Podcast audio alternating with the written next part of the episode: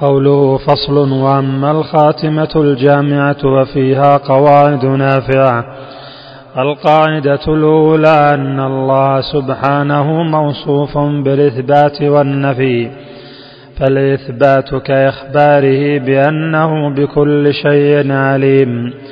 وعلى كل شيء قدير. وأنه سميع بصير. ونحو ذلك.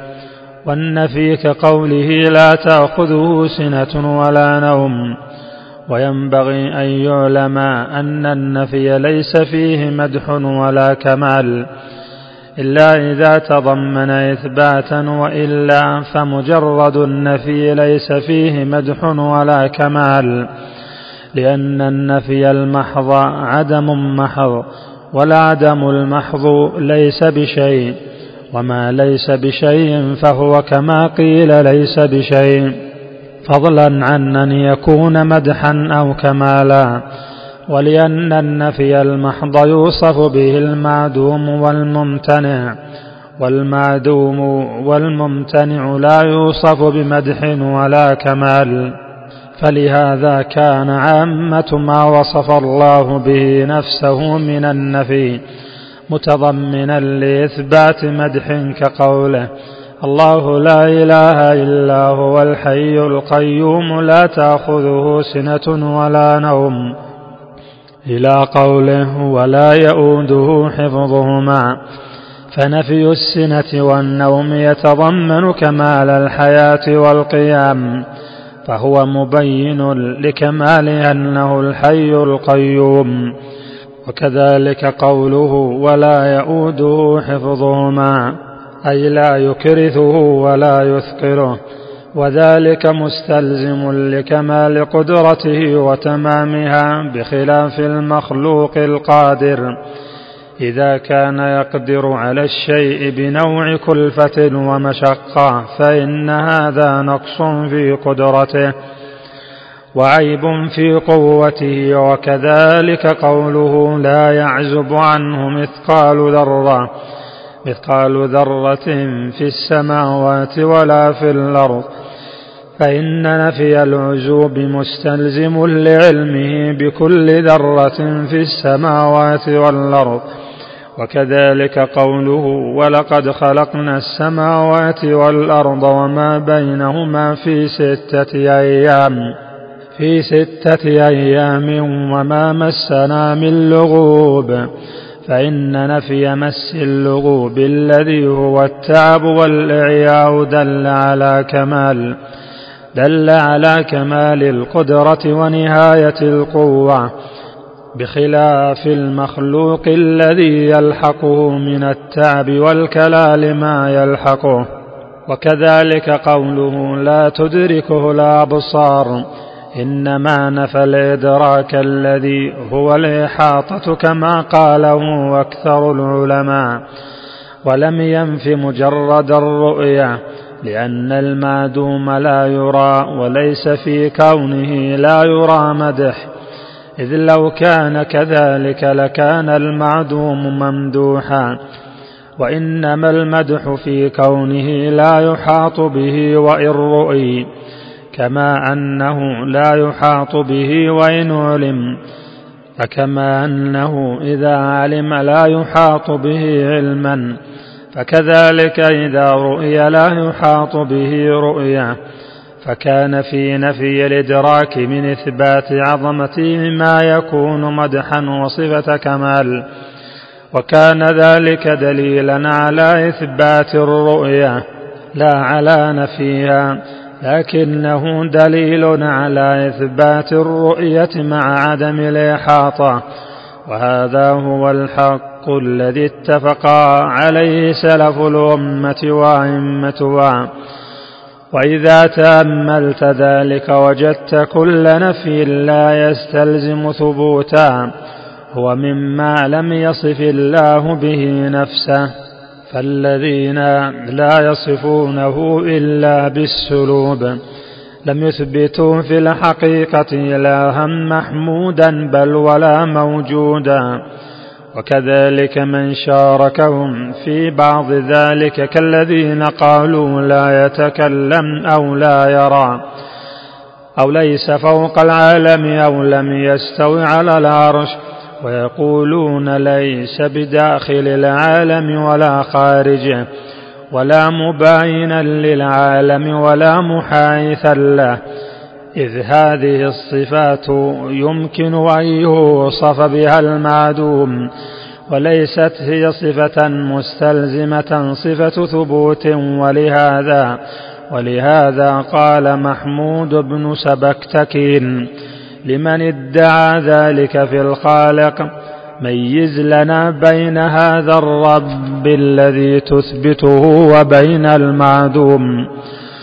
وكذلك كونه لا يتكلم أو لا ينزل ليس في ذلك صفة مدح ولا كمال. بل هذه الصفات فيها تشبيه له بالمنقوصات أو المعدومات. فهذه الصفات منها ما لا يتصف به إلا المعدوم ومنها ما لا يتصف به إلا الجمادات والناقص. فمن قال لا هو مباين للعالم ولا مداخل للعالم. فهو بمنزلة من قال لا هو قائم بنفسه ولا بغيره. ولا قديم ولا محدث ولا متقدم على العالم ولا مقارن له ومن قال إنه ليس يحيي ولا ومن قال إنه ليس بحي ولا ميت ولا سميع ولا بصير ولا متكلم لزمه أن يكون ميتا اصم أعمى أبكم فإن قال العمى عدم البصر عما من شأنه أن يقبل البصر وما لم يقبل البصر كالحائط لا يقال له أعمى ولا بصير قيل له هذا اصطلاح اصطلحتموه وإلا فما يوصف بعدم الحياة والسمع والبصر والكلام يمكن وصفه بالموت والعمى والخرس والعجمة. وأيضا فكل موجود يقبل الاتصاف بهذه الأمور ونقائضها. فإن الله قادر على جعل الجماد حيا كما جعل عصا موسى حية ابتلعت الحبال والعصي.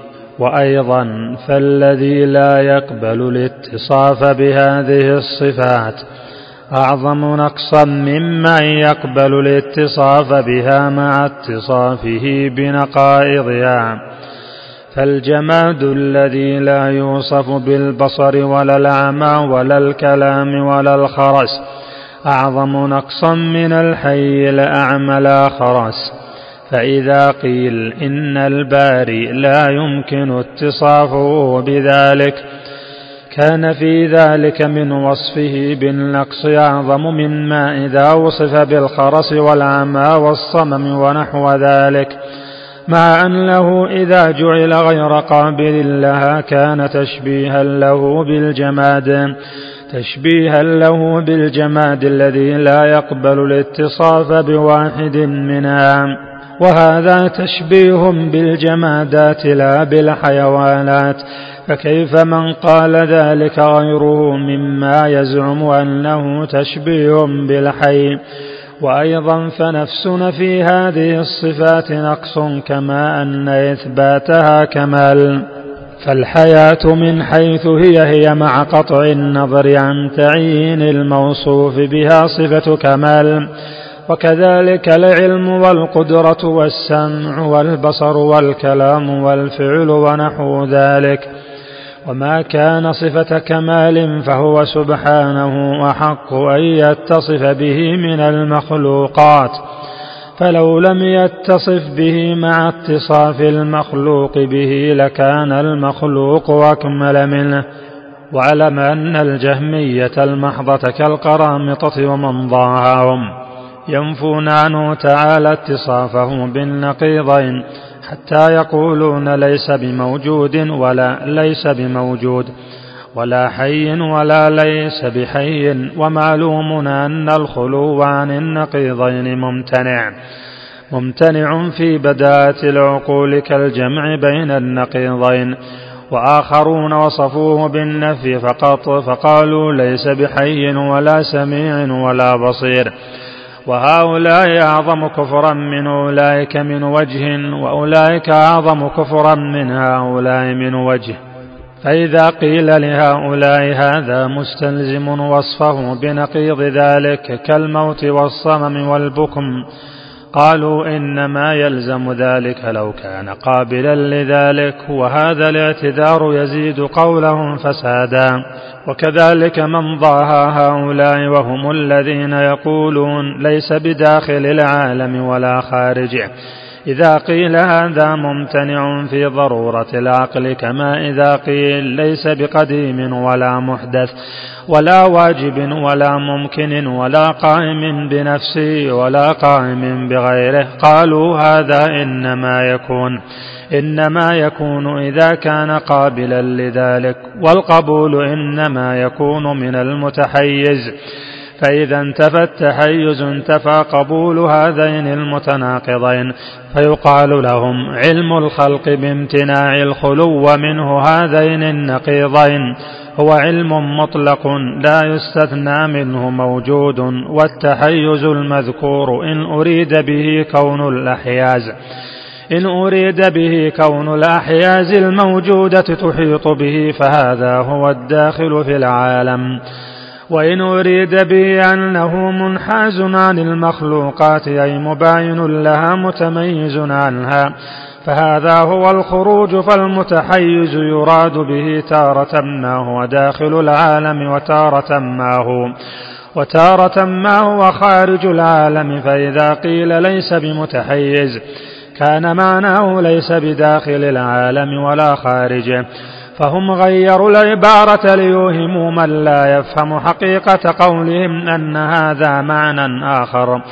وهو المعنى الذي علم فساده بضرورة العقل. كما فعل أولئك بقولهم ليس بحي ولا ميت ولا موجود ولا معدوم ولا عالم ولا جاهل.